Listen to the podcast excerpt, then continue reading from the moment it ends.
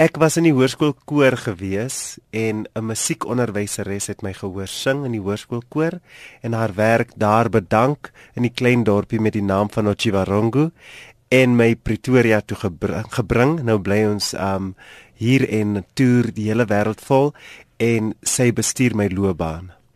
En daardie besluit, sê net vir jou sê Tiro, Kom ons doen dit. Ek glo in jou. Jy het 'n blink toekoms voor jou. Stem is wonderlik. Ek gaan my werk bedank. Dis nog nogal so groot besluit om te maak en ons gaan na 'n ander land toe kom en ons gaan jou loopbaan begin. Vertel my van daai die emosies wat jy gevoel het. Ek was oorweldig want ewe skielik het my planne heeltemal verander. Ek het eintlik gedroom om iets anders te doen, te gaan swat of so en nooit gedink ek gaan in die musiekbedryf inkom nie. En toe hierdie geleentheid op my pad kom, toe dog ek, vat dit. Jy het niks om te verloor nie. So dit was opwindend aan die begin natuurlik en ehm um, ja, ek het my vrese gehad, maar vandag kan ek terugkyk en en sê alles wat gebeur het was vir 'n goeie doel en dit was alles seëninge en ek is regtig nie spyt oor een oomblik van dit nie. Toe kom jy oor Suid-Afrika toe. Wat het vir jou groot aanpassing gewees as 'n jong man wat nou 'n nuwe loopbaan begin, iets wat jy nie noodwendig beplan het nie. En nou is jy in 'n ander land, al jou mense sit terug in Namibië. Wel, Ochiwarongo het 4 of 5 robotte so. Dis baie klein en almal ken almal en ewe skielik toe ek Pretoria toe trek, toe is dit vir my net te te besig, net te vol al die al die geboue, die karre, die verkeer en alles. Maar ek dink ehm um, ek het vinnig ehm um, my netwerk gebou, vinnig vriende gemaak en dit het lank gevat om aan te pas, maar nou voel ek soos 'n Suid-Afrikaner, ek het burgerskap gekry en ehm um, dit voel vir my regtig soos my huis en Ek moet sê die mense het hulle harte teenoor my oopgemaak. Mense in Suid-Afrika en uit Namibië uit en ek is so dankbaar. Ek kan net dankbaar wees vir alles wat met my tot dusver gebeur het. Kom ons gesels oor jou huistaal. Dis nie Afrikaans nie. Nee, ek is eintlik oorspronklik Tswana sprekend, Setswana sprekend en ehm uh, maar Namibië is baie Afrikaans en dis waar ek 'n passie ontwikkel het vir die taal ook. En ehm um, Ek moet sê ek leer elke dag iets nuuts van Afrikaans. Dis so opwindend. Kon jy Afrikaans vlot praat voordat jy Suid-Afrika toe gekom het? Ja, maar natuurlik was my woordeskat nie so so goed soos nou nie. So ek moes baie meer leer en lees. Um maar ek het 'n vreeslike passie vir dit en ek dink dis die ding wat my dryf om in die Afrikaanse bedryf te, te in te beweeg. Dis Tira wat hier so by my kuier in die ateljee by op die radio ons gesels oor sy album en dis ook jou heel eerste Afrikaanse album. Daai besluit om nou in Afrikaans te skryf en te sing, hoe dit gebeur. Die Afrikaanse musiekbedryf was vir my baie aanloklik.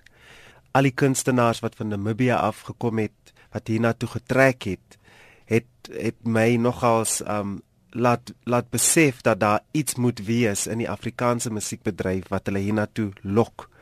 Toe dog ek, um kom ek luister bietjie na Afrikaanse musiek want ek ek is nogals ek hou van diversiteit. Ek hou van alles. Ek luister na alles. En toe ek begin um na sekere om na sekere kunstenaars, Afrikaanse kunstenaars te luister, toe um raak ek verlief op van hulle musiek. Toe dog ek, hoekom kan ek nie eendag dit doen nie? En ehm um, Christel, dis ongelooflik. Verlede jaar, die jaar voor verlede jaar, het ek 'n groot borg gekry. En dit was natuurlik vir hierdie Afrikaanse album en ehm um, toe kon ek natuurlik die album opneem en my droom om 'n Afrikaanse album op te neem het waar geword. Het jy al die snitte self geskryf of het jy iemand gekry om jou te help? Ek het verskeie kunstenaars, verskeie liedjie skrywers gekry om vir my te skryf en ek moet sê hulle het regtig 'n great job gedoen. hulle is wonderlik. Ek kan self nie skryf nie, maar ek beoog om in die tweede helfte van hierdie jaar te begin leer. Ek wil ek wil regtig eendag my eie eie liedjies kan skryf en sing. Ja, jy sê jy skryf nie self nie, maar jy is oorspronklik van Namibië. Namibiërs het natuurlik 'n egte klank ook aan hoe jy praat, hoe weet jy dit sekere sê goeters daar, bring jy dit ook in jou musiek in? Nee, ek dink my musiek op hierdie stadium is baie formeel. Dis Dis um ek sing meer 'n formele Afrikaans. Ek um, meng byvoorbeeld nie Afrikaans met Engels of ander tale nie. So dis uh, pure Afrikaanse liedjies. Ek ek sal seker in die nabye toekoms bietjie um ons Namibiese kultuur ook inbring. Ek dink nogal dit is 'n baie goeie idee. Dankie daarvoor. ja. Ek is bly ek kon ek kon bietjie bydra by die musiekbedryf. Ons sien baie uit om die Namibiese klank um ook by jou te hoor. Jou planne met hierdie album? Ek dink behalwe vir die feit dat hierdie album geskryf is om mense, om mense te inspireer, um wil ek regtig 'n vreeslike 'n boodskap, 'n boodskap oordra aan mense wat nie hoop het nie, mense wat regtig um sukkel in die lewe, want ek sien um op my Facebook bladsy is daar soveel mense wat my kontak en sê um hulle het na hierdie album geluister en dit inspireer hulle en hulle voel die egtheid van die van die van die boodskap in die liedjies. En weet jy vir enige kunstenaar is dit 'n ongelooflike groot kompliment.